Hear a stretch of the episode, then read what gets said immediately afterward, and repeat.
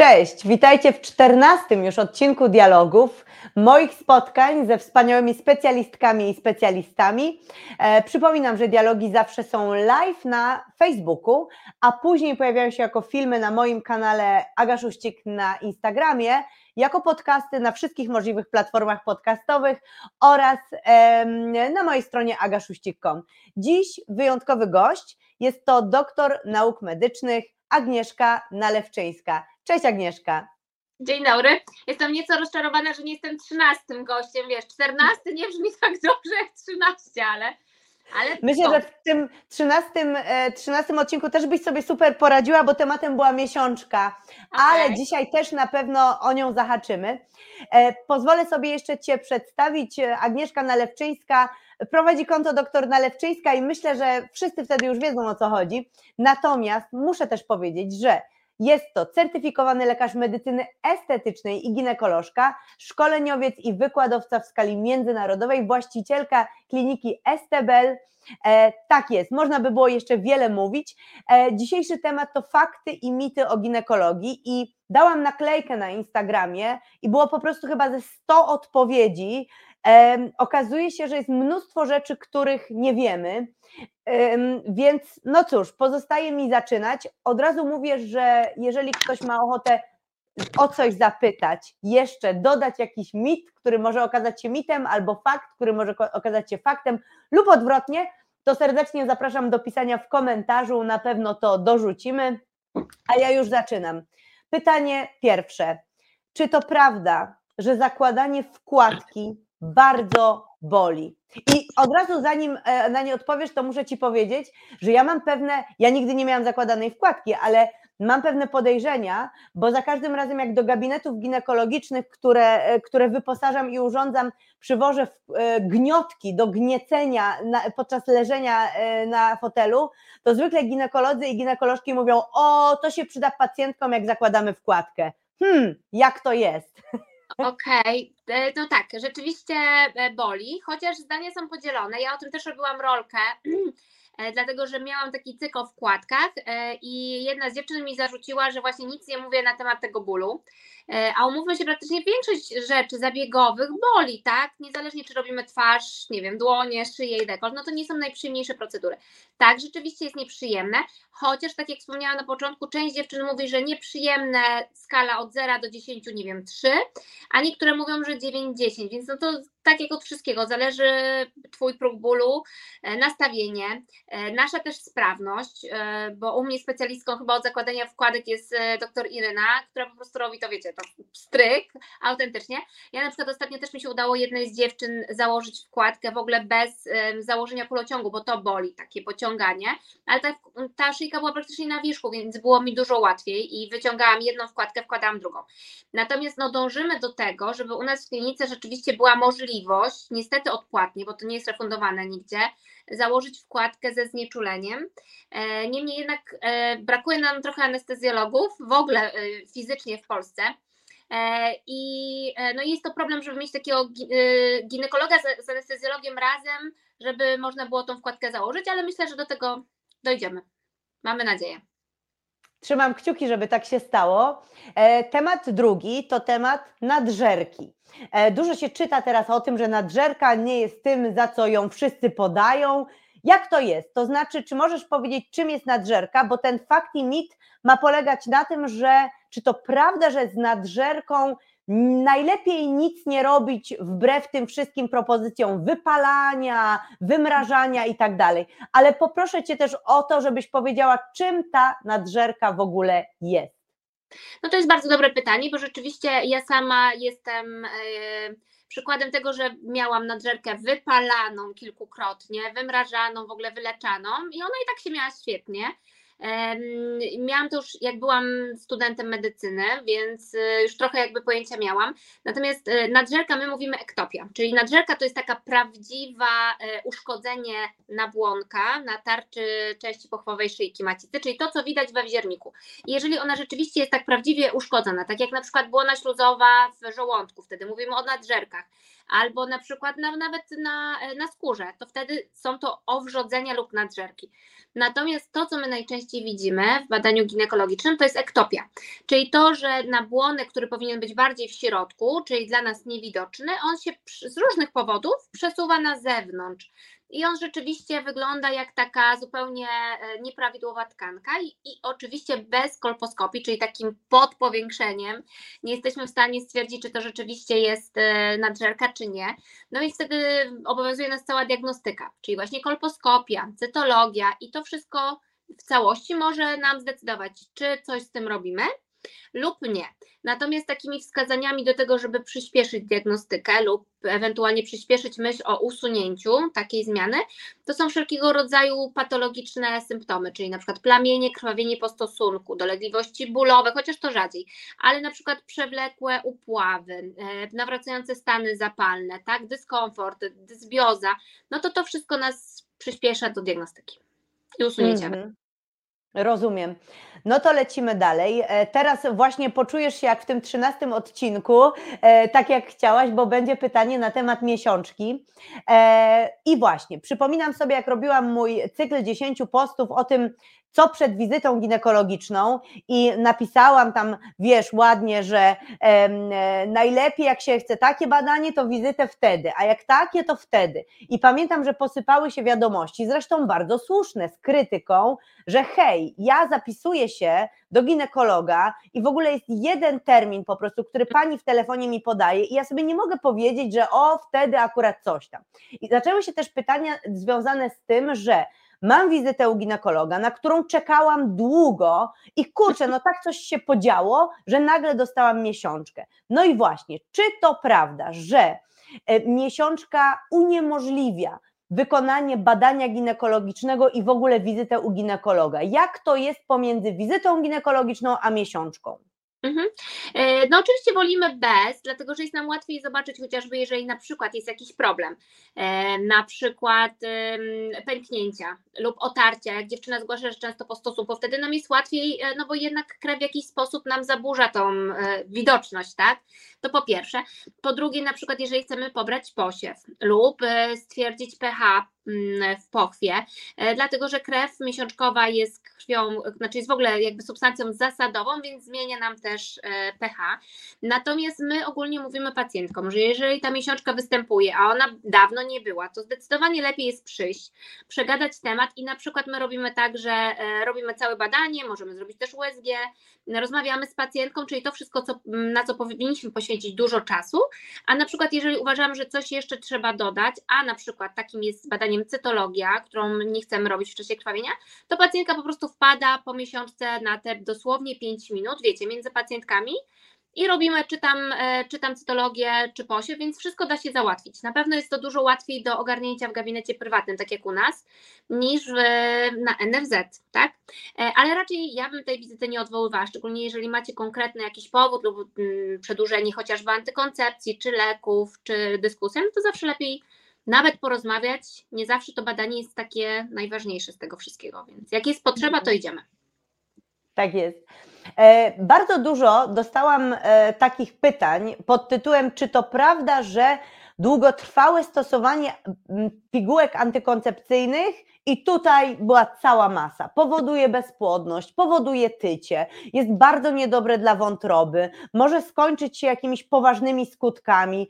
E, ciężko mi tutaj zadawać te pytania jedne po, jedno po drugim, ale wierzę w to, że jesteś w stanie jakoś wyjaśnić nam, jakie tak naprawdę niebezpieczne skutki ma długotrwałe stosowanie e, pigułek antykoncepcyjnych i czy rzeczywiście jest to niebezpieczne. Mhm. No to jeszcze dużo zależy teoretycznie, czy to są e, złożone dwuskładnikowe, czy jednoskładnikowe, no ale tak z grubsza. E, słuchajcie, jeżeli wiemy, że ta antykoncepcja to jest na najbliższe, nie wiem, 15-20 lat, no to nam jest dużo łatwiej jako ginekologom na przykład dobrać antykoncepcję typu chociażby e, implant, który na przykład mniej obciąża wątrobę, albo w ogóle moja ulubiona wkładka, którą tutaj też od razu mogę rozwijać mit, że można ją e, założyć u dziewczyny, które nie rodziły, tak? I tutaj w ogóle nie ma żadnych e, przeciwwskazań do tego, żeby założyć wkładkę i to jest na świecie uznana metoda. Więc ja wtedy bym myślała o takich długoterminowych e, metodach antykoncepcyjnych, tak?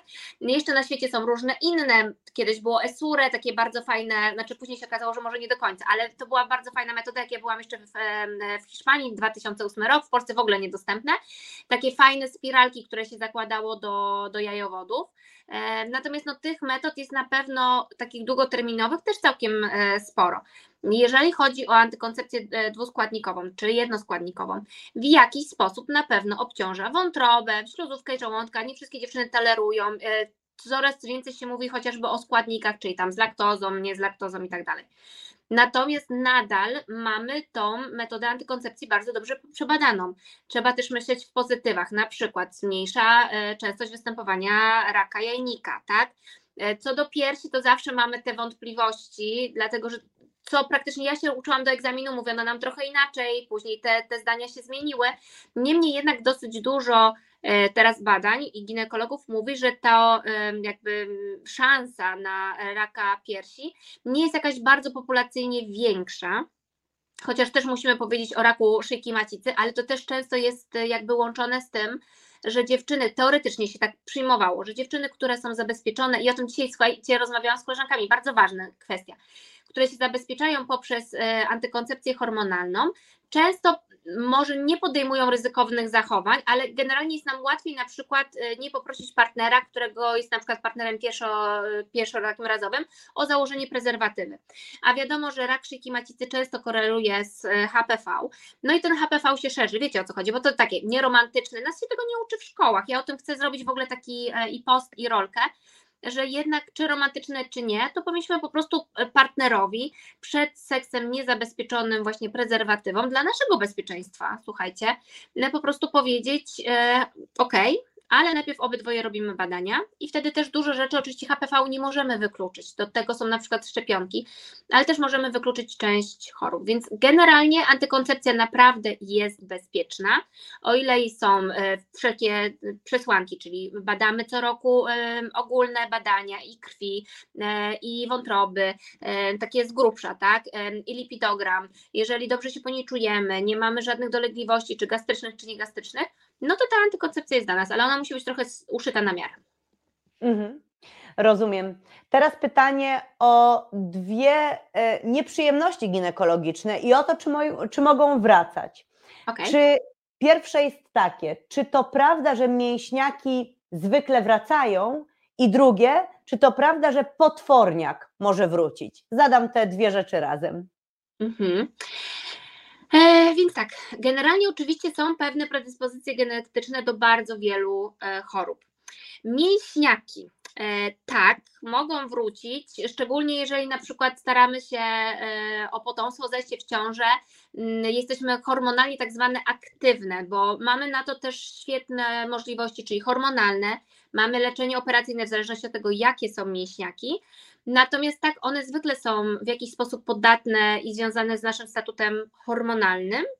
E, I na przykład w okresie menopauzy często mówimy o tym, że taki mięśniak po prostu sobie obumrze, on w jakiś tam sposób przestanie być e, aktywny, ale rzeczywiście mogą nawracać. E, podobnie jest z polipami tak, bo tutaj nie padło to pytanie, ale często tak jest, że taka tendencja do polipów w jamie macicy, do polipowatości endometrium, do, w związku z tym do plamień międzymiesiączkowych, do, do tego też mamy pewnego rodzaju tendencje. No i jeżeli chodzi o potworniaka, to jeszcze zależy, bo mamy potworniaka takiego złośliwego i niezłośliwego, czyli dojrzały i niedojrzały. No i ten niedojrzały jest niestety chorobą onkologiczną, która jak każda choroba onkologiczna, mówimy dopiero po pięciu latach o wyleczeniu, co nie znaczy, czyli remisji, czyli uspokojeniu jakby choroby, natomiast to nie jest powiedziane, że ona kiedyś nie wróci. Eee, często niestety jest nam też trudno ją wyleczyć. Potworniak dojrzały, czyli taka torbiel mm, jajnika, e, która, dlatego mówimy potworniak, dlatego że często są tam na przykład różnego rodzaju tkanki, czyli tkanka typu kostna, tkanka e, typu włosy, tak? często właśnie z ektodermy, czyli paznokcie, włosy, mm, tkanka kostna, zęby. E, najczęściej jest chorobą mm, no, zupełnie nieonkologiczną, szczęśliwie. Oczywiście jest to nowotwór, ale łagodny. I on różnie. U niektórych ma tendencję do nawracania, ale też tak zwykła torbiel. Ja bym, jeżeli zadałabyś pytanie, czy torbiel nawraca, to częściej bym powiedziała, że po prostu torbiele jajników nawracają częściej niż konkretny potworniak. O. Mhm.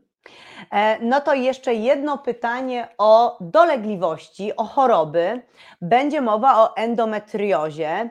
E, e, pytanie brzmi, czy to prawda, że endometrioza jest o wiele częstsza niż 1 na 10? Ja tylko przypomnę, że w niedawno wydanym u mnie spocie na temat endometriozy o tym temacie mówią lekarze z Centrum Leczenia Endometriozy z Wrocławia ale też nie mówią tam o dokładnych, e, o dokładnych danych. E, no właśnie, jak to jest z tą endometriozą? Czy to prawda, że te szacunki są zaniżone, bo wiele kobiet nie zgłasza się z tym, czy raczej trzymamy się tego jedna na dziesięć hashtagu, który tak dobrze sprawdza się pod wszystkimi postami e, wszystkich endodziewczyn? Jak to jest? Okej, okay, no więc tak, na pewno w dużym stopniu jest to problem niedoszacowany. Na pewno, dlatego że z jednej strony fajnie, że dużo o tym mówimy, z drugiej strony też nie każdy ból miesiączkowy, czy nie każda torbia nie jest endometriozą, nie każda niepłodność jest endometriozą, więc trochę e, na pewno też przeszacowywujemy, ale z drugiej strony pamiętajmy i to też mówię dziewczynom, które przychodzą do nas na USG, E, w kierunku endometriozy. E, ja na przykład takiego badania nie wykonuję, wykonują moje ginekolożki. Mm, to naprawdę trzeba mieć i, i świetny sprzęt, i świetne oko, i ogromne doświadczenie, więc ja zdecydowanie wolę moje pacjentki, jeżeli mamy takie podejrzenie i doskonale wiemy, co chcemy ewentualnie z tym zrobić, tak? Bo to chodzi o to, czy chcemy wiedzieć na ile, gdzie i tak dalej, co chcemy z tym zrobić, czyli czy walczymy o ciążę na przykład, tak? Czy walczymy tylko o jakość życia, E, więc e, wtedy najlepiej zrobić taki konkretny rezonans e, z, też z zakontrastowaniem, jeżeli chodzi o jelito. Dobrze, dobrze, córeczko, możesz. Czyli zakontrastowanie, tak to moje najmłodsze, zakontrastowanie jelita i odpowiednie podanie i odpowiednie obejrzenie, odpowiednie takie okno, żeby zobaczyć ewentualne ogniska endometriozy, tak? Nie wszystkie dziewczyny też się decydują na operację, ze względu też ze względu na cenę, bo największe i chyba najlepsze operacje są robione prywatnie, e, ale też możemy w jakiś sposób wyciszać, jeżeli to jest tylko kwestia dolegliwości bólowych, no to też jesteśmy w stanie to wyciszać. Więc e, wracając do pytania, bo poszłam naokoło, e, nie jestem w stanie Ci powiedzieć. E, na pewno 10%, e, no na 100%, szczególnie, że biorąc pod uwagę, że podobne szacunki mniej więcej są co do, co do cukrzycy, która w sumie też jest taką traumatyzującą e, chorobą. Natomiast wiesz, ja często na przykład o powikłanych, jeżeli rozmawiamy z pacjentkami i mówię, że y, może się to zdarzyć jeden, nie wiem, na 10 tysięcy, ale jeżeli dotyczy Ciebie, to jest Ci mało istotne, czy to jesteś jedna z 10 tysięcy, tak? Bo to jesteś Ty i to jest to 100%. Więc ja po prostu zwykle dziewczyny w jakiś sposób y, motywuję do tego, żeby szukać przyczyny, i nie dawać się zbywać, wiecie, tej bolesnej miesiączce, zaczynać to jak najwcześniej, żeby, żeby właśnie ginekolodzy nie mówili taki twój urok, taka twoja uroda, przejdzie po ciąży, przejdzie po porodzie i wiesz, jak powiesz to dziewczynce, która nie idzie do szkoły przez 2-3 dni, bo ją tak boli, że przejdzie po ciąży, no to wiesz, to nie jest żadne pocieszenie, tak? Więc y, wydaje mi się, że po prostu przede wszystkim musimy walczyć y, no, ze z taką stygmatyzacją tego przyzwolenia na ból a później czy to jest kwestia konkretnie endometriozy, czy jakichkolwiek innych e, kwestii, to najważniejsze, żeby nie bolało. Tak jest. No właśnie, jedno z pytań e, brzmi bardzo e, pod tym względem jasno i zadała je jedna z moich obserwujących. Czy to prawda, że okres w ogóle nie powinien boleć? Mhm. E, no to ja mogę Wam powiedzieć na moim przykładzie, bo jestem, e, bo jestem w ogóle bardzo mało typowym przykładem, ale chyba dlatego zostałam ginekologiem, bo od najmłodszych lat rzeczywiście z tą ginekologią miałam dużo do czynienia mm, bo ja zawsze miałam bardzo bolesne miesiączki i miałam takie miesiączki, które rzeczywiście na mnie wycinały, mm, plus był taki, że się zawsze świetnie uczyłam, więc jak tam dwa, trzy dni nie byłam w szkole, to mi wszyscy trochę wybaczali, e, ale rzeczywiście to był taki ból, że, no, że trudno mi było sobie z tym radzić. Później się okazało, że mam torbiel, i ta torbie po wielu perypetiach była e, operowana, co trochę złagodziło. Niemniej jednak rzeczywiście te miesiączki dla mnie były e, bolesne, nie za bardzo, e, ale były. I u mnie rzeczywiście, słuchajcie, przeszło po porodzie, także już są prawie w ogóle niebolesne. E, ale to tak, jakby to, to też było związane z tym, że miałam tu zgiętą macicę, ona później po porodzie zawsze troszeczkę inaczej się ustawia. Natomiast biorąc pod uwagę e, jakby to, co ja przeżywałam i to, co, co robił ze mną, co robiła ze mną miesiączka, to ja nigdy żadnej dziewczynie nie odmówiłam prawa ani do leków przeciwbólowych, ani leczenia bólowego, tak? Bo to jest też jakość życia. Nawet jeżeli to jest po prostu niezwiązane z jednostką chorobową, e, ale zabiera Wam i ten czas w pracy, coraz częściej się o tym mówi, że rzeczywiście powinniśmy mieć prawo do tego dnia zwolnienia płatnego na miesiączkę, tak? I uważam, że nam się to powinno należeć. Więc jakby trochę się to wpisuje w charakterystykę, że może tak być, że nie mamy przyczyny bolesnej miesiączki, ale to nie znaczy, że, że, że może nie boleć. W tej chwili moje miesiączki praktycznie nie są bolesne. Jeżeli miałabym się zapytać pacjentek po diagnostyce takiej e, ogólnej, to najczęściej są e, klasyczne dolegliwości, czyli trochę dolegliwości bólowych, wiecie, taki dyskomfort, różnie w zależności od miesiączki. Bardzo często są zmiany smaku i zapachu i zwiększona defekacja, tak? Bo to wszystko jest związane z hormonami, czyli częstsze oddawanie moczu, częstsze chodzenie do toalety. Natomiast to nie powinno Wam zabierać tego dnia z życia, czyli to powinno być odczuwalne, ale na pewno nie na tyle bolesne, żeby Wam się nie chciało ruszyć ręką i nogą. Mhm. Tak, ja też pamiętam moje miesiączki jako dyskomfort, ale bez żadnego bólu, więc akurat ja, ja miałam wielkie szczęście pod tym względem. I jeszcze jedno pytanie. Chciałoby się powiedzieć o miesiączkę, ale o miesiączce, ale formalnie nie jest to miesiączka. Chodzi o krwawienie z odstawienia. Mhm. E, pytanie, czy e, to można traktować, takie krwawienie z odstawienia, jako sygnał, że najprawdopodobniej nie ma ciąży. Tak jak myślimy zwykle o miesiączce. Okay. W ogóle osobą, która zadała to pytanie, naprawdę polecam testy, bo jednak mm, tutaj nie, nie robiłabym żadnej loterii, no ale oczywiście tutaj oddaję głos ekspertce. O Jezu, to powiem Wam tak, ja coraz częściej rozmawiam tak filozoficznie z pacjentkami i na przykład, zobaczcie, e, po pierwsze, nie poznałam jeszcze mężczyzny, który po dobrym seksie lub złym, dowolnym seksie z przygodną lub ze stałą partnerką obawiałby się, że ona będzie w ciąży. Czy w ogóle miałaś kiedykolwiek taką rozmowę? Nie. Natomiast ilość do mnie wiadomości dziennie. Pani doktor, a czy pani myśli, czy ja mogę być w ciąży, a w ogóle, a tydzień temu to miałam stosunek taki i w ogóle. I sobie myślę za każdym razem, że jak bardzo bym chciała taką osobę tak na dobrą sprawę przytulić, bo ja też pamiętam e, te, te moje dylematy i to jest straszne, że nam się nie pozwala jakby cieszyć tym seksem, bo zawsze z tyłu jest ta ciąża, tak? Albo odwrotnie, czyli tak jak z miesiączką. Na początku chcemy je mieć, bo chcemy być dorosłe. Później chcemy ją mieć, bo się boimy, że będziemy w ciąży. Później nie chcemy jej mieć, bo chcemy być w ciąży, a ta miesiączka przychodzi. Później przychodzi menopauza, chcemy ją mieć, a ona się zabiera, więc w ogóle nigdy nie jesteśmy jakby w czasie e, odpowiednim. Ale wracając do tematu, bo ja zawsze mam te dygresje, e, no to, no to generalnie tak, testy to są przede wszystkim. E, po drugie, poczekajcie, coś mi te, Dobra. E, po drugie, jeżeli chodzi o inną konkretną rzecz, no to pamiętajcie, że zawsze są testy z krwi, które dają Wam stuprocentową e, pewność, czy Wy jesteście w ciąży, czy nie. I takie testy można zrobić w każdym laboratorium. Po trzecie, żadne krwawienie, ani z odstawienia, ani nawet miesiączka nie jest stuprocentowym gwarantem, że nie jesteście w ciąży. Jest coś takiego jak krwawienie implantacyjne, czyli zarodek implantuje się do jamy macicy, bo pamiętajcie, że zarodek się tworzy w sumie i pieje wodzie, tak? i on sobie później dzieląc się przechodzi do jamy macicy i tam jest albo przytulany, albo nie przez endometrium. No i właśnie takie krwawienie może jakby być zupełnie niezwiązane z, z tym, czy jesteście w ciąży, czy nie. Więc nigdy żadna miesiączka nie świadczy, czy tam krwawienie z odstawienia nie świadczy o tym na pewno, że nie jesteście w ciąży. Mhm. Um, Okej, okay. teraz pytanie wydawałoby się troszeczkę lżejsze. Czy to prawda, że infekcje można złapać nawet w toalecie i że tak naprawdę te infekcje czyhają na nas wszędzie.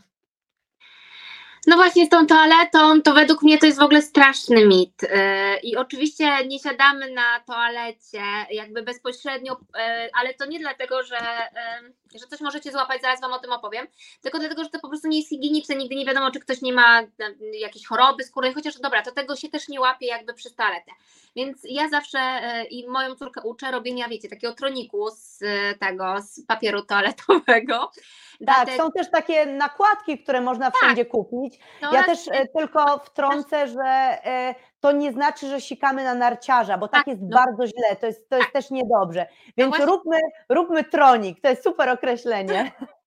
E, Właśnie to chciałam powiedzieć, że narciarz jest fatalny. Moje urofizjoterapeutki w ogóle krzyczą tu na wszystkich, że nie, narciarzem nie, to jest najgorsze dla mięśni, dla miednicy, więc absolutnie nie.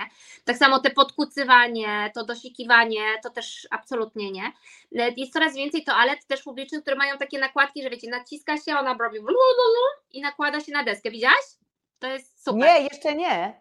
To jest ekstra, coraz więcej w Wilanowie mamy chyba ze 3 czy 4 takie restauracje. Co prawda ostatnio moja koleżanka się śmiała, że myślała, że to się zmienia po e, naciśnięciu, że się e, jakby spłukuje wodę, a tam trzeba rączką pomachać, więc mówi, kurna, usiadłam po kimś po prostu. Więc trzeba zawsze doczytać instrukcję obsługi. E, No niemniej jednak, słuchajcie, nie złapiecie, naprawdę. Wyobraźcie sobie, że nie siadacie jakby samą cipką, tak? No nie ma czegoś takiego, no bo byście obsikały tą muszlę. Siadacie zawsze udami. Od ud do, do cipki jest jeszcze naprawdę bardzo daleko, e, więc y, można jakąś, nie wiem, jak macie skaleczone udo, można jakąś brodawkę skórną złapać, cokolwiek, ale nie choroby, tym bardziej choroby przynoszone drogą płciową, więc nie, nie przenosi się. Toaleta Mhm. jest Teraz pytanie o coś, o czym już wielokrotnie mówiłam na moim kanale, ale ja chyba lubię się znęcać nad tym tematem, więc zapytam o to, czy to prawda, że nie wolno samodzielnie, bez żadnej konsultacji z nikim przeprowadzać irygacji pochwy? O jest. Tak, oczywiście. Tak. Nie, nie, nie można. Słuchaj, po pierwsze, znaczy i teraz powiem, kiedy najczęściej przeprowadzacie. Czyli tak, po pierwsze, y, ja już znam moje pacjentki doskonale, więc tak, po pierwsze prze, przeprowadzacie wtedy, kiedy na przykład jesteście po stosunku i chcecie wypukać spermę. To naprawdę nie tędy droga. Tak, bardzo często dziewczyny chcą się pozbyć szybko spermy, więc na przykład y, wypukują sobie irygatorami tą spermę z pochwy. Nie, dlatego że często potem będą infekcje. W ogóle po irygacji będą infekcje, tak? W ogóle zrobicie sobie kuku straszne. To jest pierwsza rzecz. Druga rzecz, często jak chcecie na przykład współżyć, a macie końcówkę miesiączki, więc robicie irygację. To też nie jest tędy droga. Lepiej sobie założyć taką e, gąbeczkę menstruacyjną do pochwy i ją sobie po stosunku e, wy, wyciągnąć. Oczywiście ona jest jednorazowa, tak? Więc tego te, wtedy też nie robimy. No i nie robimy w przypadku żadnych infekcji, ani chęcia poczucia się, że jesteście jak kwiatki na łące. Bo umówmy się, pochwa tak nie pachnie. E, więc nawet jak się tam popsikacie, wiecie, w Stanach są na przykład nawet te dezodoranty takie mm, intymne, więc w ogóle takich rzeczy nie używamy, dlatego że zaburza to pH, doprowadza do przewlekłych infekcji i naprawdę ja to później musimy z dziewczynami e, leczyć. I są różne dramaty, czyli właśnie pęknięcia. Umówmy się, że częste mycie skraca życie. Ja widziałam takie pytanie, które będzie, jak często trzeba się myć, więc do tego na pewno dojdziemy. Niemniej jednak nie wypukujemy, nie myjemy się w środku, nie używamy jakichś tony em, higienicznych rzeczy, bo będzie odwrotnie.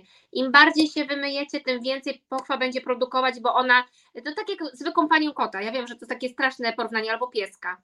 Że wiecie, y, mój piesek, który był na wsi, bo ja się wychowałam, urodziłam i wychowałam na wsi, no to jak chciałam, żeby ze mną chwilę pobył w salonie, a mojej mamie śmierdział, bo on się wytarzał w jakiejś rybie, to ja go tam pucowałam i dosłownie go zdążyłam wytrzeć, on wyszedł na dwór i przy pierwszym w ogóle jakimś tym się musiał wypucować, więc dokładnie tak samo jest z pochwą.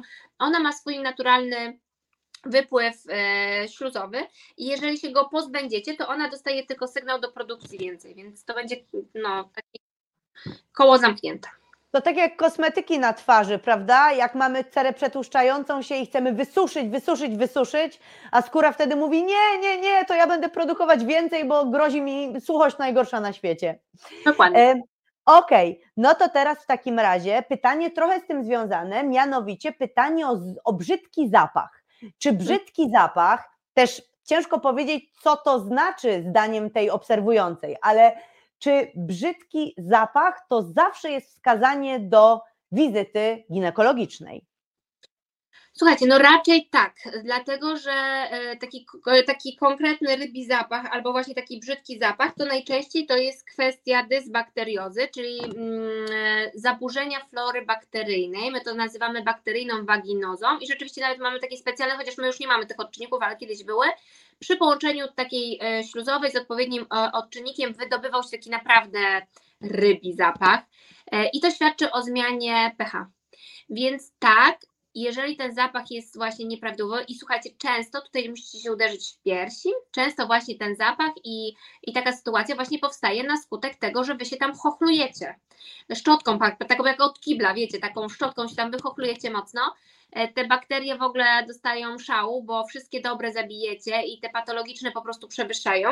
No i właśnie to jest najczęściej taka, mm, taka inklinacja. I później to idzie jak zamknięte koło, czyli znowu się wymyjecie, znowu jest e, rybi zapach, wy się jeszcze bardziej myjecie, jeszcze bardziej rybi zapach. Więc oczywiście nie śmieję się z tego, ale tak, to jest powód do tego, żeby się zgłosić do ginekologa. Czasami trzeba się przeleczyć, czasami trzeba pomyśleć o zmianie właśnie nawyków higienicznych, czasami o em, tych e, probiotykach, żeby to wszystko ładnie e, odbudować, więc raczej rybi zapach jest e, wskazaniem. Natomiast też trzeba oddzielić zapach e, z okolicy pochwy, która generalnie prawidłowa, naprawdę nie pachnie i te wszystkie okrutne żarty, wiecie, że jak śledziem, czy tam rybką ci marynarze sobie opowiadają, czy starym kutrem, to, to nie jest prawda. Natomiast też jest jeszcze, pamiętajcie, okolica okołoodbytowa, czyli e, tam też się myjemy i tam się akurat możemy wymyć ładnie, jeżeli chcecie jakimś płynem em, takim do higieny też intymnej. Najpierw myjemy okolicę mm, sromu, dopiero później, jeżeli tą samą ręką, to okolicę analną, żeby tych bakterii tam nie przynosić. I czasami rzeczywiście ta szpara odbytowa może wydawać też taki nieprzyjemny em, no, fetorek. E, Więc jeżeli to jest bardziej taki kałowy zapach, no to to nie kwalifikuje Was do ginekologa, to po prostu trzeba w jakiś sposób bardziej zadbać o higienę tej okolicy, bo czasami tak jest, tak? Zwykle generalnie jak wydalamy kał, to on nie jest miękki, nawet przy podcieraniu się papierem nie powinniśmy mieć e, masy kałowej na, na papierze, tylko właśnie luźniejsze stolce tak, e, tak robią. No i wtedy, jeżeli jest luźniejszy stolec, no to wtedy może w tej okolicy zostać e, trochę kału i on może taki zapach po prostu wydzielać. Mhm. Ja nie chcę tutaj nikogo straszyć, ale powiem tylko, że em, dużo reklam i w radio, i w telewizji mówi, że jeżeli masz jakieś objawy, swędzenie, suchość, upławy, em, brzydki zapach, to kup nasz środek i w ogóle połykaj go albo się smaruj i gotowe.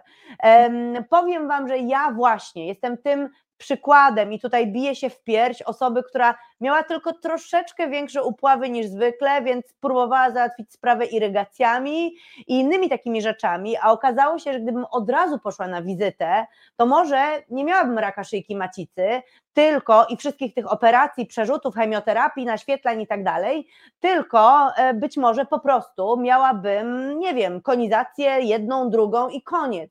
Więc bardzo Was proszę, nie, bagat- nie bagatelizujcie, ponieważ niestety, nie chcę tutaj mówić, że każdy, kto się dobrze czuje, to od razu jest chory, ale często e, tak się zaczyna. To są pierwsze rzeczy, na które naprawdę powinna nam się z, e, zapalić ta czerwona lampka. No to teraz pytanie znowu o higienę, o pielęgnację, a właściwie o higienę. Czy to prawda, że po seksie trzeba zrobić siusiu? tak. Tak, trzeba zrobić siku, dlatego że, mm, o Jezu, ja też znowu e, ostatnio rozmawiałam z pacjentkami, że my mamy naprawdę przerąbane, tak anatomicznie. E, No bo tak, cewka moczowa, blisko pochwy i blisko odbytu, czyli odbyt, no to piękne bak- bakterie Escherichia coli. Jeżeli do tego dodamy właśnie bardzo prostą cewkę, bo mężczyźni mają, dlatego ich trudno zacewnikować, mają takie dwa zgięcia e, i, i te bakterie tak prosto nie, nie wpływają po prostu do góry i nie robią wstępującej infekcji, a u nas ona jest prosta jak drut. I do tego jeszcze jest właśnie w okolicy y, poddawanej różnym naciskom i obtarciom, czyli właśnie seksualnym, tak? Mm, I bardzo sobie pięknie te bakterie wędrują do góry, tak? I z pochwy, i z okolicy okołoanalnej.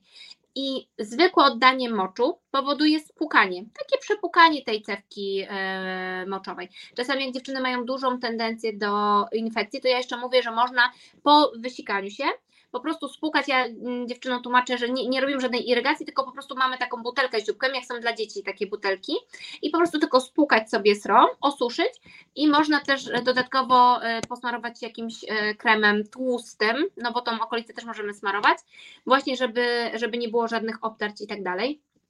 Więc tak, jak najbardziej robimy siku, dlatego że to jest świetna profilaktyka w ogóle no, takich dyzurycznych, czyli nieprzyjemnych moczowych objawów. Mhm. Super, super sposób z tym, z tym kremem i z tym e, wypłukaniem. E, Ja tylko tutaj wtrącę miniaturową przerwę na reklamę. E, Bardzo dużo o pielęgnacji i o tych odpowiednich zdrowych nawykach będziemy mówić na Wulwypadzie w czerwcu. Serdecznie zapraszam na trzydniowe szkolenie zdrowia intymnego z szóstką specjalistów. Więcej oczywiście na moim kanale. A teraz wkładki, wkładki higieniczne. Czy to prawda, że wkładki higieniczne generalnie nie są ok? Ja całkiem niedawno dowiedziałam się, że są dziewczyny, które ze względów higienicznych chcą je tak naprawdę nosić przez cały miesiąc, przez cały rok, bo to jest bardziej higieniczne niż majtki, no bo jest takie z opakowania, a nie z pralki. Jak się na to zapatrujesz? Co z tymi wkładkami? Jaka jest prawda? To chyba w ogóle początek mojego e, gadania do Was to były wkładki. Mnie wywołała do odpowiedzi Ania maluje. Jakoś tak się zaczęło z tymi e, wkładkami, mnie zdopingowała. No i tak, jeżeli chodzi o wkładki, to chyba najwięcej e, negatywnych i takich naprawdę hejtujących komentarzy to mam na TikToku. W ogóle TikTok rzeczywiście jest, potrafi mnie tam ktoś po prostu polecieć z góry na dół, więc ja już w pewnym momencie przestałam te komentarze zupełnie czytać, bo ani nie nadążam, wiecie, na odpowiadać. No i zawsze jest burza o te wkładki, że właśnie, że ja jestem prawie, że brudasem, że jak chcesz mieć brudną bieliznę, to nie noś tych wkładek. Ale słuchajcie, bielizna jest po to, żeby ją codziennie zmienić i wrzucić do pralki. Majtki oczywiście oprócz bardzo ekskluzywnych e, firm typu, e, typu La Prairie i tak dalej, nie kosztują tysiąca złotych, tylko kosztują, nie wiem, kilkanaście, tak, kilkadziesiąt to jest maksymalnie. E, no i generalnie jakby mm, są po to, żeby je zmieniać. Tak one się będą niszczyć, tak jak skarpetki się niszczą, tak? Nikt nie wpadł na pomysł, że skoro skarpetki się brudzą od chodzenia po podłodze, to nie wiem, nakładamy jeszcze na to coś, nie wiem, reklamóweczki na przykład, tak?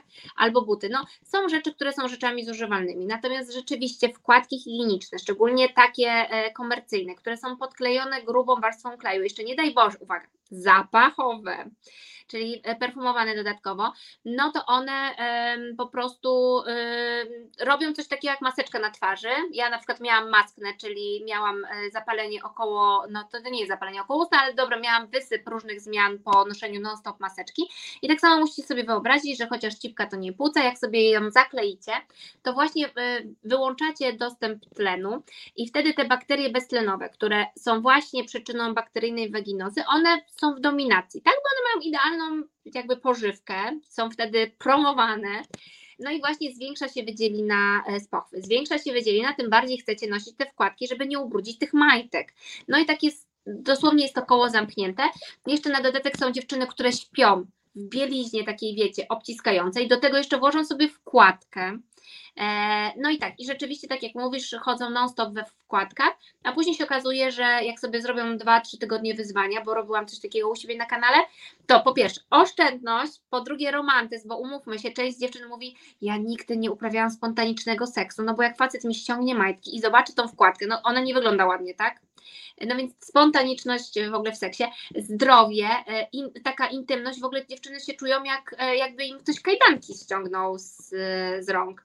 Więc warto spróbować, jeżeli są tutaj osoby, które, które jeszcze stosują wkładki, to naprawdę możecie się tutaj na mnie zhejtować, możecie się podśmiewywać, ale trzy tygodnie spróbujcie i naprawdę jest nowa jakość życia. No, a majtki się przeżyje i to jest zupełnie naturalne, tak? Część dziewczyn się na przykład wstydzi, jak zaczynają mieszkać z facetami, bo on zobaczy wydzielinę na majtkach. No hello, wiecie o co chodzi, że to jest pewnego rodzaju taki, o ja rozumiem, no ja na przykład nadal po wielu latach małżeństwa nie oddałam moczu przy moim mężu, bo uważam, że to nie jest okej, ja się z tym źle czuję. I tak samo nie wchodzimy sobie, nie wiem, do łazienki i tak dalej i za, zostawiamy taki margines intymności, Mm, to jakby każdy pierze i każdy, no, no to są jednak rzeczy higieniczne, no.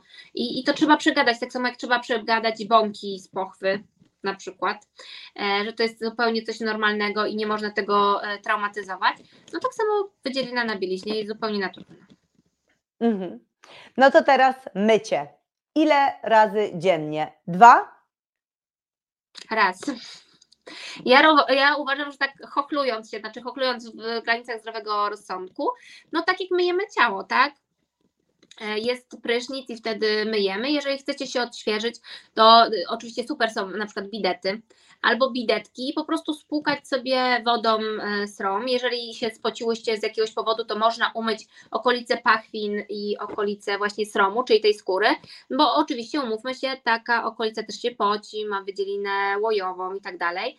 E, I tutaj ja bym nie dyskutowała, bo mówi się, że można myć się tylko wodą, można i część moich dziewczyn w ogóle świetnie sobie z tym radzi.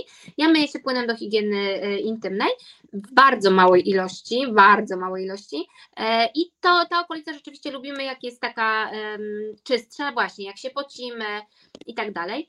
E, Szczególnie, że kremujemy, ja też to promuję, żeby tą okolicę kremować, więc tak jak twarz myjemy, tak samo, ale okolice pomiędzy wargami e, tymi sromowymi, wewnętrznymi, mniejszymi, tam już nie zaglądamy wodą, ani tym bardziej płynem do higieny intymnej. Mhm, mhm. Super. Wyobraź sobie, że odpowiadając na to, odpowiedziałaś na dwa jeszcze inne pytania, więc jesteś genialna. Rozwijam. A co jeszcze między myciem a kremowaniem, jeśli chodzi o wycieranie? To znaczy, e, czy masz jakieś porady, a przede wszystkim ręcznik, ten sam co do reszty ciała będzie ok? No nie, znaczy ja uważam, że znaczy inaczej. Część dziewczyn po prostu jakby y, dotyka tylko wargi. To jeszcze zależy, jak, jak wy się z tym czujecie. Część dziewczyn ma wargi mniejsze, wystające, które są już bardziej śluzówką, tak? To zależy tylko i wyłącznie od was, jak wy się dobrze z tym e, czujecie. Można mieć jeden mały ręcznik, który po prostu sobie częściej e, wymieniacie, albo tak samo często wymieniacie. Część moich e, pacjentek ma na przykład takie jednorazówki bawełniane, Albo w ogóle idealnym sposobem, jak ktoś ma do tego jakby przestrzeń, e, to jest e, taki ręcznik papierowy, tak jak są w tych dystrybutorach u nas na przykład higienicznych w klinice. Tylko jeden taki ręcznik po prostu dotykasz, wyrzucasz, więc jesteś po pierwsze eko, bo nie zużywasz tego dużo, nie bierzesz oddzielnych ręczników, więc to zależy jak, jak kto woli. Natomiast rzeczywiście chyba fajniej mieć jednak ręcznik e, no, do miejsc intymnych taki osobny. Mhm. Okej, no to w takim razie ostatnie pytanie dotyczące e, takich rzeczy jak e, pielęgnacja. E, mianowicie, co z włosami łonowymi? Golić, nie golić? Ja od razu mówię, że zrobiłam już o tym chyba z pięć postów, więc to, że się ten, to pytanie pojawiło, ach, niedoskrolowane, ale zapytam o to, co z włosami łonowymi? Lepiej golić, czy lepiej nie golić? Pytanie podchwytliwe oczywiście. Znaczy ja powiem whatever po prostu, to co No ty właśnie. E, to nie chodzi o to, co woli twój partner, bo to nie o to chodzi. Chodzi o to, z czym ty się dobrze czujesz. I teraz tak, ja mogę tylko podpowiedzieć z technicznego punktu widzenia. Jeżeli chcesz te włosy golić, e, a te włosy odrastają wtedy szorstkie i często właśnie robią takie objawy ala infekcji, bo one po prostu wchodzą, e, skrobią te wargi sromowe mniejsze, to lepiej je po prostu przycinać, tak? Nie golić do zera, tylko sobie je przycinać. Jeżeli chcecie się ich pozmyć, a macie takie możliwości, a naprawdę teraz epilacja laserowa nie jest droga, to można zrobić epilację laserową nawet głęboką, bo nawet po jednym zabiegu ich będzie dużo, dużo mniej i będzie Wam łatwiej. E, oczywiście, jeżeli macie e, jakby możliwości, możecie je woskować, e, natomiast no to boli okrutnie e, i bo ja już chyba wszystkie sposoby przetestowałam, boli okrutnie, no i oczywiście trzeba też poczekać na włoski jak odrosną, co dla mnie jest mało e, komfortowe. Natomiast y, najważniejsze jest to, żebyście się czuły z tym, z tym dobrze. Czyli nie ma żadnych medycznych przesłanek do tego, żeby włosy golić, ani nie ma też y, jakby medycznych przesłanek do tego, żeby te włosy były. Czyli jeżeli ktoś powie, że e, dziewczyny, które nie mają włosów, mają częściej infekcje, to się mylą. I z drugiej strony, jeżeli ktoś powie, że, że te infekcje są jakby też spowodowane przez owłosienie, to też się mylą. O, Mhm. czyli danych na ten temat, więc po prostu to jest tylko kwestia waszej mody, czy tam e, chęci i wtedy tak jak wam jest wygodnie. I tak samo do Super. goli, tylko że goli. Mamy, mamy dwa pytania od naszych widzek, ale zanim je zadam, to jeszcze mam e, pytania dotyczące kwestii porodu i ciąży, bo i takie się pojawiły. E, więc, czy to prawda, że nie powinno nacinać się krocza podczas porodu tak zwyczajowo, praktycznie każdej kobiecie? No jest to świetne pytanie. Znaczy tak, do, do nacięcia e, krocza są absolutnie tylko i wyłącznie e, wskazania medyczne, tak? Takie, e, które zagrażają albo ze strony dziecka najczęściej, albo ze strony mamy. Natomiast ja byłam wychowywana w szpitalu i często o tym mówię, szpitalu klinicznym, w ogóle akademickim, trzeci stopień referencyjności. I ja jak tam rozpoczęłam pracę, to był rok 2007, to byłam uczona, że lepiej pacjentkę naciąć niż miałaby pęknąć i rzeczywiście każda pierwiastka, czyli każda osoba rodząca po raz pierwszy była nacinana. E, I nawet dzisiaj też rozmawiałam, bo że okazuje się, że mam dużo rozmów z pacjentkami, z jedną z moich pacjentek, że jest to straszna praktyka, dlatego że bardzo okalecza, jeszcze mm, biorąc pod uwagę, że niestety, i to też chyba trzeba powiedzieć, e, najczęściej do szycia krocza e, no, siadają najmłodsi lekarze, tak? I ja się tego też uczyłam jakby z tyłu od moich kolegów. To jest pierwsza rzecz. Po drugie, teraz jakby jako właściciel kliniki widzę różnice, na przykład jakie ja szwy kupuję, jak operuję moje pacjentki, czy robię labioplastykę, czy robię perineoplastykę, ja płacę dużo za te szwy, czyli chcę, żeby to były szwy e, fajne, dobre, e, bezpieczne, natomiast one kosztują dużo więcej i doskonale wiem, jakimi szwami szyłam pacjentki, przynajmniej u nas w szpitalu, które nie były szwami super, tak, to były duże igły, E, nie, nie, praktycznie nie było wyboru, był jeden szef niewchłanialny, jeden szef wchłanialny, więc wiesz, no tam nie było jakby możliwości. Natomiast no, na szczęście coraz częściej te pacjentki nie są e, nacinane. Natomiast też chciałabym zaapelować do dziewczyn, które były nacięte i mają jakąkolwiek dolegliwość z tej strony. My naprawdę jesteśmy w stanie to, to leczyć, więc pamiętajcie, że żeby zapytać się waszego ginekologa, ginekolożki o to, co można zrobić z blizną, szczególnie jak wam daje popalić. E, od tego też są super wizyty u urofizjoterapeutki, a najlepiej u ginekologa i u urofizjoterapeuty, bo świetnie sobie radzimy z leczeniem takich blizn. Super. No to przed pytaniami dwoma od widzek, ostatnie pytanie ode mnie. Czy to prawda, że karmienie piersią to w sumie taka metoda antykoncepcji? No nie. Dlatego, że oczywiście to się w większości e, sprawdza. Znaczy, natura w ogóle w stosunku do kobiet jest okrutna. E, dlatego, że ona nas zabezpieczyła przede wszystkim e, tą prolaktyną, czyli e, jest wysoki poziom prolaktyny, żeby było mleko i żeby był pokarm teoretycznie. I prolaktyna powoduje niski poziom estrogenów e, i to niezależnie czy karmicie, czy nie, bo może być taki zespół jak hiperprolaktynemia e, niezwiązana z karmieniem piersią i to jest stan, który trzeba leczyć, no bo właśnie powoduje niedobór estrogenów, a po, po, po tym idą inne różne dolegliwości.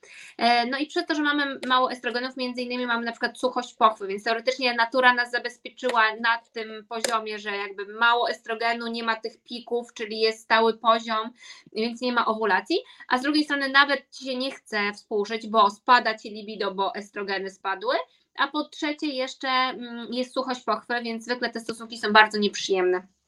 Więc mhm. teoretycznie która tak o to zadbała, żeby od razu w tą ciążę kolejną e, nie zachodzić.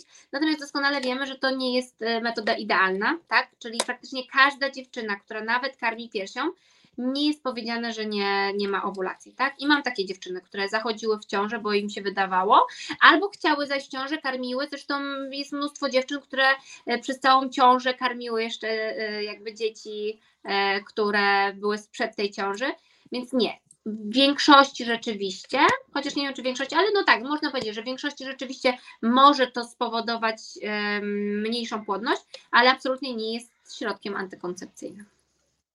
Na koniec dwa pytania, ale zadam, zanim je zadam, powiem jeszcze tylko, że ani na moim kanale, ani na kanale doktora Agnieszki Nalewczyńskiej nie ma nigdy głupich pytań. Stąd jest ten odcinek, stąd jest nasza rozmowa, i bardzo proszę, żebyście nie bały, nie bali się pisać e, i pytać, ponieważ często te najprostsze rzeczy są najważniejsze. I e, ja czasem myślę sobie, kurczę, robię taki prosty post o czymś tak prostym, a miałam być taka super tutaj e, oczytana, po czym dostaję dużo wiadomości od super oczytanych ludzi, którzy mówią: hej, o tym nie wiedziałam, więc pamiętajcie, nie ma głupich pytań. I absolutnie nie głupie, przepraszam?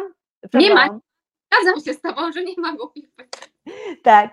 I e, absolutnie niegłupie pytania mamy od e, dwóch osób. E, Anka zadaje pytanie, czy wkładka hormonalna zwiększa ryzyko infekcji intymnych? No i teraz tak. Lega Artis, czyli zgodnie z prawem i zgodnie z tym, co jest w PubMedzie, nie tak? Czyli nie ma żadnych, znaczy żadnych, no ja się nie dokopałam i przy standardowych e, publikacjach nie ma czegoś takiego, że wkładka powoduje infekcję. Natomiast rzeczywiście biorąc pod uwagę, że mamy sznureczek, który wystaje do pochwy, która nie jest jałowa, zresztą macica też teoretycznie no, nie jest jałowa do końca. E, i jest połączenie pomiędzy y, pochwą, bo nie wiem czy wiecie, ale nasz świat wewnętrzny, czyli miednica jest połączona ze światem zewnętrznym, bo idąc przez pochwę, przez kanał e, szyjki macicy, przez jamę macicy i przez jajowody, wszystko może przedostać się do e, miednicy, dlatego mamy na przykład coś takiego jak zapalenie e, narządów miednicy mniejszej. I rzeczywiście e, wkładka teoretycznie, jeżeli jest założona w czasie infekcji lub no, jakaś infekcja się zadziała, to teoretycznie takim wstępującą drogą może dojść do infekcji. Dlatego ja zawsze proszę pacjentki, którym my zakładamy wkładkę, że robimy wcześniej posiew Robimy posiew z kanału szyjki, nie z pochwy, bo pochwa wiecie, tam zawsze wszystko może być, tylko robimy celowany posiew z kanału szyjki macicy i nas to trochę uspokaja. Przynajmniej ja bo wiecie, to jest tak, że e, prowadzimy prywatną klinikę i ja sobie mogę pewne rzeczy po prostu narzucić i zrobić protokoły. I na szczęście mam takie lekarki i ginekolożki, które tutaj serdecznie ściskam, które są, e, na szczęście myślą podobnie jak ja i mamy w ogóle podobną jakby taką merytorykę pracy i podejście do pacjenta i my rzeczywiście staramy się robić tak, że robimy posiew przed. I jeżeli wszystko jest ok, to nas to uspokaja i wtedy najprawdopodobniej nic złego się nie wydarzy. Dzięki. E, I e, ostatnie pytanie. Mm, e, właśnie, bo już się obawiałam, zawsze z racji tego, czym się zajmuję, mam na live'ach silny front Amazonek i Syrenek i mamy Syrenkę. Izabela pyta o irygację po radioterapii, ponieważ lekarze zalecili jej irygację rumiankiem. Znaczy tak, to jest bardzo dobre pytanie, jeżeli chodzi o radioterapię. E, dlatego że miałam okazję pracować przez 4 lata na oddziale ginekologii onkologicznej Centrum Onkologii i nawet rozważałam i składałam papiery na, e, żeby rozpocząć specjalizację z radioterapii, bo ona jest naprawdę bardzo pasjonująca. E, I powiem Wam tak, bardzo dużo robiliśmy, wrysowywaliśmy nowotworów, oczywiście klasycznych, czyli rak szyjki macicy. Bardzo rzadko napromieniamy też raka trzonu, to są specjalne jakby wskazania, natomiast natomiast szyjkę jak najbardziej, brachyterapię jak najbardziej. No i robiliśmy bardzo dużo jakby nowotworów sromu, raku sromu. I to jest taka, e, rak sromu jest taką chorobą, która rzeczywiście mm, ogromnie traumatyzuje kobiety. Te odczyny poparzeniowe są bardzo duże po radioterapii. I tutaj powiem Wam tak, że przetestowaliśmy już praktycznie wszystko, co mogło być do przetestowania, jeżeli chodzi na skórę i praktycznie nic nam nie działało najlepiej jak zostawienie sromu w spokoju, czyli e, niestosowanie właśnie żadnych tłustych maści, bo to się po prostu wszystko ma mazało. I trochę podobnie było z szyjką, bo jakby zasadą, w zależności od tego, jaki mamy stopień, to tutaj wiesz najlepiej, e, mamy różne jakby postępowania, czyli przy mniejszej zaawansowaniu my usuwamy albo szyjkę, albo trząs z szyjką, e, no z przyległymi narządami, z węzłami chłonnymi, no to jest generalnie jest bardzo dużo, bo mamy też specjalne operacje, takie jak operacje Wertheima w raku szyjki macicy, natomiast w przypadku większego zaawansowania, czyli wtedy, kiedy rak e, szyjki macicy obejmuje też przymacicza i wiemy, że operacja nie będzie radykalna i może być z tego po prostu więcej szkody niż pożytku, to my wykonujemy taką totalną e, radioterapię z następową brachyterapią. I zwykle to jest 46 frakcji, czyli 46 razy pacjentka jest e, naświetlana. I my chcemy jakby stopić e, tą szyjkę. I rzeczywiście ona się topi, czyli często jest tak, że pacjentka, ta szyjka jest w ogóle niewyczuwalna i do tego dążymy. I tam rzeczywiście się robią straszne rzeczy na tej śluzówce. Natomiast wydaje mi się, że pukanie rumiankiem, tutaj nie chciałabym wchodzić w kompetencje, szczególnie jakby diagnozować jeszcze na dodatek przez y, Instagram. Mm, natomiast to może nie do końca. Mm, znaczy uważam, że nie. No, mnie tak uczono, że nie, ale to no ja też już parę lat nie pracuję w onkologii, więc na pewno lekarze jak coś zalecają chcą jak najlepiej, szczególnie właśnie w chorobach onkologicznych, e, ale rumianek może nie do końca. Ja muszę przyznać, że też e, moje doświadczenie oczywiście jest tutaj e, pacjenckie, nie, nie, nie, nie lekarskie, bo, bo nie jestem lekarką, natomiast też nigdy nie spotkałam się z tym, żeby pukać e, rumiankiem, a myślę, że, że tutaj mam dość duży kontakt z pacjentkami i, i dużo na ten temat czytam. No, na pewno tutaj zastanowiłabym się nad tym. Agnieszka, bardzo Ci dziękuję. Muszę powiedzieć, że przez te 14 odcinków nikt nie odpowiedział na aż tyle pytań w takim czasie i jeszcze tak, że wszystko wyjaśniłaś tak dokładnie, więc jestem Ci ogromnie wdzięczna. Bardzo Ci dziękuję, bardzo też dziękuję Wam, e, drogie Wicki, drodzy widzowie, którzy nas oglądali. Odcinek oczywiście będzie e, zapisany, jutro pojawi się rano na Instagramie i jako podcasty na wszystkich platformach podcastowych. No i co? W takim razie pamiętajmy, że nie ma głupich pytań i pamiętajmy, że zawsze warto wiedzieć, czy to o pielęgnacji, czy to o objawach, no bo zdrowie. Zdrowie to jest to, czego sobie właśnie życzyliśmy podczas Wielkanocy i wypadałoby zrobić wszystko, żeby to życzenie spełnić. Bardzo Ci dziękuję, Agnieszko. Pięknie Ci dziękuję, wszystkiego dobrego i dziękuję, że nam się udało wreszcie e, no, wybrać termin. Tak. tak. Dziękuję uprzejmie i w takim razie do zobaczenia. Cześć. Do zobaczenia.